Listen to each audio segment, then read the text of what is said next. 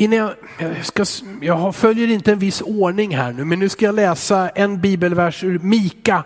Mika kapitel 6, vers 8. Eh, Mika kapitel 6, vers 8. Så säger den här profeten i gamla testamentet, han har sagt dig, det vill säga Gud, Gud har sagt dig du människa vad som är gott. Vad begär Herren av dig annat än att du gör det rätta? Älskar barmhärtighet och vandrar i ödmjukhet med din Gud. Eh, den är enkel, några enkla rader, tre saker som profeten lyfter fram till den som undrar vad måste jag göra? Vad, gör det rätta. Älska barmhärtighet och vandra i ödmjukhet med din Gud. Vi behöver ropa till, till Gud om vishet i den här tiden. Vishet som församling, vishet som, som kristen, där du finns, i din familj, ditt hem, ditt grannskap, ditt arbete, din skola, din vardag, där du är. Herre ge mig vishet. Hur ska jag leva mitt liv? Men samtidigt så är det inte flummigt vad Gud säger, utan det är rätt så enkelt. Gör det som är rätt, säger han. För han har gett oss, för det första ett samvete, eller hur? Han har lagt in i varje man och kvinna ett samvete. Behöver inte direkt vara kristen eller buddhist eller muslim eller någonting, eller ateist, men du har ett samvete. Och det talar till dig. Och du vet att du kan lyssna på det mer och bli känsligare för samvetet och en del tycker att man är överdrivet känslig. Du kan också välja att inte lyssna på det, du liksom trycker ner det och till slut så kan du också glömma bort vissa saker som tidigare tyckte du att det var väldigt fel. Men nu har du skjutit undan det där, bort ur samvetet. Vi kan döda vårt samvete. Men det finns där. Det finns där i människor, det finns där i oss. Dessutom säger Bibeln, inte minst till oss som tror på Jesus, att han har gett oss Guds ande också. Guds ande som talar. Tänk att det står i Bibeln att om ditt samvete dömer dig, för det gör det ju ibland, om ditt samvete dömer dig, skriver Paulus, då tänker jag, då finns det ingen chans för mig. Jo, men då står det så här, då är Gud större än ditt samvete. Det här är, det här är bra för ibland så träffas vi av rätt skuld, men ibland träffas vi av fel skuld. Alltså rätt skuld är ju, har jag gjort ett fel så är det bra om jag vaknar upp och ändrar det, eller hur? Men har jag inte gjort något fel, men jag är så dålig och jag är så liten och jag är så rädd. Och det, det, är no, det är bara fel med mig. Men det är inte rätt. Och hela vårt samhälle ropar ju också till den unga generationen. Tänk inte så, du ropar, samhället ropar, du är en stjärna och du har framtiden för dig och du kan bli allt vad du vill. Och, men det hjälper ju inte. Unga människor mår efter en tid jättedåligt i alla fall och tror jättelite om sig själv i alla fall. Vi har nästan gjort oss av, gjort oss av med jantelagen i Sverige, nästan säger jag. Den här lagen som, den här oskrivna lagen som säger att du ska inte tro att du är någonting. Som finns, vi har ju nästan avskaffat, så det, många unga människor idag är mycket frimodigare att tala om vad de kan och vad de vill än vi var för 30, 40, 50 år sedan. Men ändå så drabbas de oh, av känslan att jag kan inte. Jag kan inte påverka annat eller mitt eget liv. Men om ditt samvete dömer dig så säger Bibeln så är Gud större än ditt samvete. För den som är förlåten är verkligen förlåten. Gud kommer inte tillbaka och påminner om vad du har gjort fel. Du hjälper dig själv med det.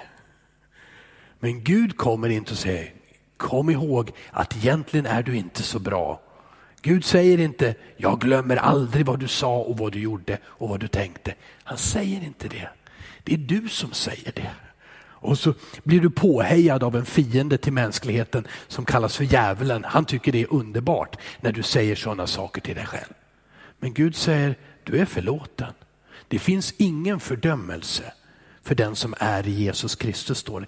Ingen dom, ingen fördömelse för dig som är i Jesus Kristus. Gud har gett oss ett samvete och han har gett oss den heliga ande. Och det står om den heliga ande att det är Guds heliga ande i oss som ropar Abba, Fader, pappa. Det är Guds ande i dig som ger dig den här frimodigheten. När gamla testamentets människor och profeter tänkte så här, om jag på något sätt kommer för nära Gud eller ser Gud, då måste jag dö för han är helig. Så jag fruk man fruktade Gud.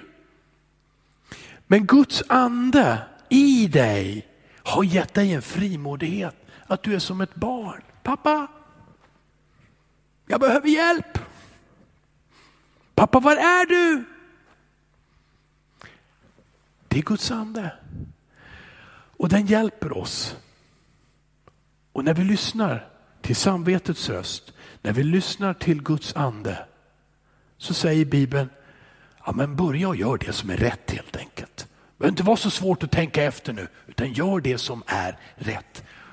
Och vad Gud säger och vad Mika säger, Gud kommer att leda dig.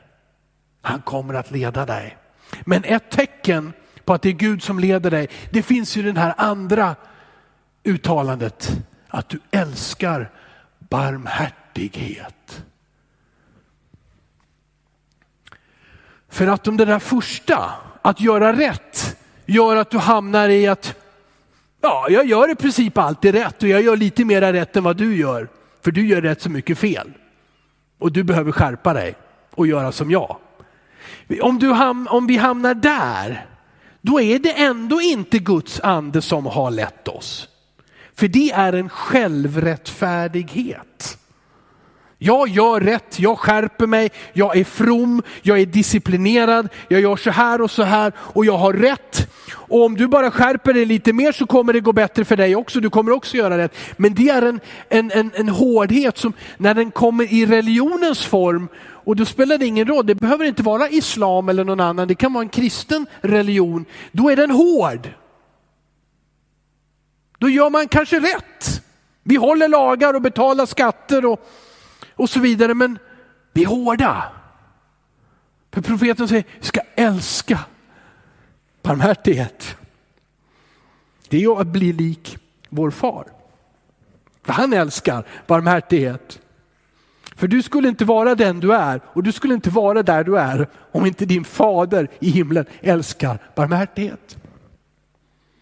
För älskar han inte barmhärtighet, då ligger du där. Och då har du inte så mycket hjälp att räkna med.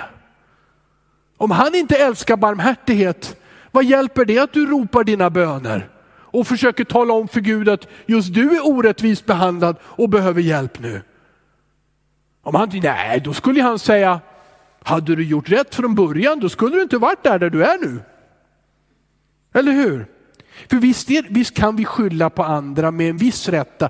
Vi kan skylla på familjen, vi kan skylla på någon vän eller ovän. Vi kan skylla på samhället eller arbetsförmedling eller stat eller Gud, någonting. För att vi har, men vi vet alla att en del av skulden att jag är här, det har ju med mig att göra. Någonstans svek jag, jag höll inte, jag gjorde inte vad jag skulle. Så om Gud är som vi på tyska kallar för en besserwisser, Ja, nu är han inte, men känner du dig besserwisser, någon som vet bättre. Om du bara hade lyssnat på mig, då hade du inte hamnat i den här sörjan. Men nu säger Gud aldrig det. Och Jesu berättelser om den förlorade sonen, bara bekräfta om och om igen, det här är inte Gud.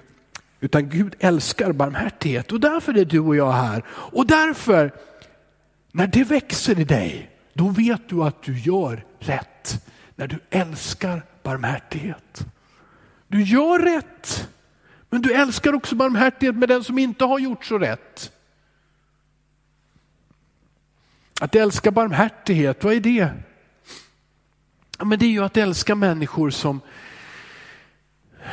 som antagligen i alla fall delvis är skuld till att de har hamnat där de har hamnat. Och älska att hjälpa dem. Att inte stå rak och säga, du kliv upp här på min nivå, då får du ett bättre liv utan böja sig ner.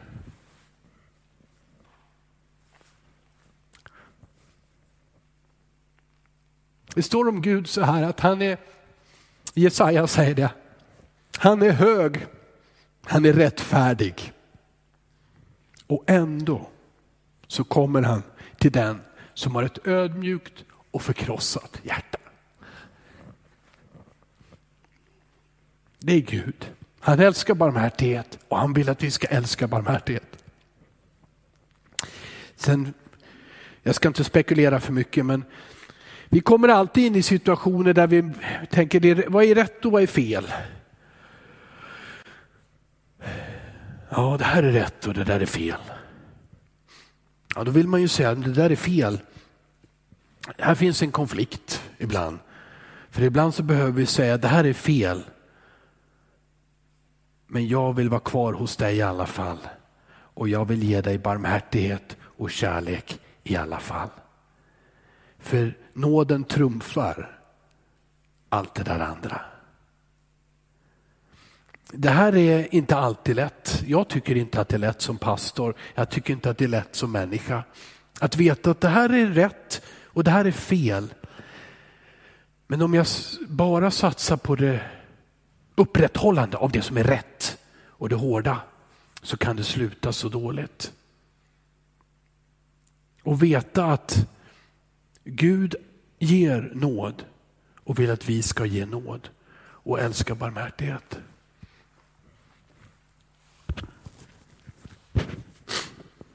När vi inte riktigt vet det där.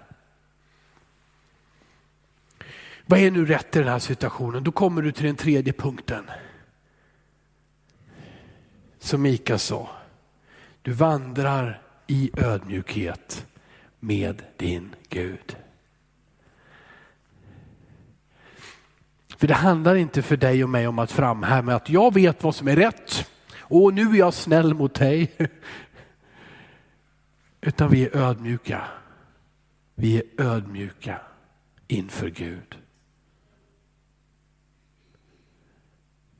Vi är ödmjuka och inte övermodiga. Det är inte vårt uppdrag att vinna över varandra. Det är, det är idrottens. Det är, idrotten får hålla på med det, okay? det kan vara kul också. Men det är inte vårt uppdrag att besegra varandra i diskussioner, i, i att, att stråla mer än någon annan människa. Det är inte Ge, det, vårt uppdrag är att iklä oss, skriver Filipperbrevets, Kristi sinnelag. Han som kom från Guds härlighet, Guds son av evighet. Det står att han räknade inte sig själv som hög, utan han ödmjukade sig. Till och med till, han blev människa, men till och med till att han dog döden på ett kors för dig. Ikläder er Kristi sinnelag, Kristi sinne, ödmjukheten. För ibland så står vi som sagt i situationer där vi inte vet riktigt säkert. Först är det där, vad är det rätt och fel? Sen så okej, okay, vi har hamnat att det där är rätt. Men jag bör visa barmhärtighet, men blir det bra? Blir jag bara en mjäkig, snäll svensk som inte säger någonting? Det, det är inte där vi vill hamna. Hur visar jag barmhärtighet? Men i det här, i det här och andra många frågor som vi kan ha som människor. Så säger Gud till oss, eller Mika säger till oss, den tredje punkten, var ödmjuk. Var ödmjuk. Du får lita på dig själv, du får älska dig själv, men var inte så självsäker och stöddig. Framförallt inte för Gud, men inte inför dina medmänniskor. Var ödmjuk. I, hur stod det, i din vandring, när du vandrar ödmjukt med din Gud. Och det är väl kallelsen att vara i bön, att gå med Gud. Att gå genom livet bedjande, att gå, genom, gå på bönemötet bedjande, att göra det med Gud, inte, inte för Gud, inte för att vi ska underhålla Gud med våra böner, inte för att vi, vi ska imponera på Gud med vår lovsång, utan med Gud, en relation som han kallar oss in i. Ja, jag kanske inte ska säga så mycket mer än det där. För Mika han var ju väldigt kort. Han har sagt dig du människa vad som är gott.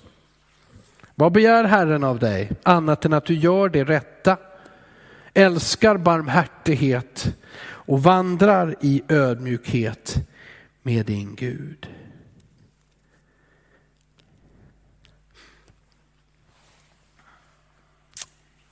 Det finns mer att säga men det kan jag spara för en annan predikan.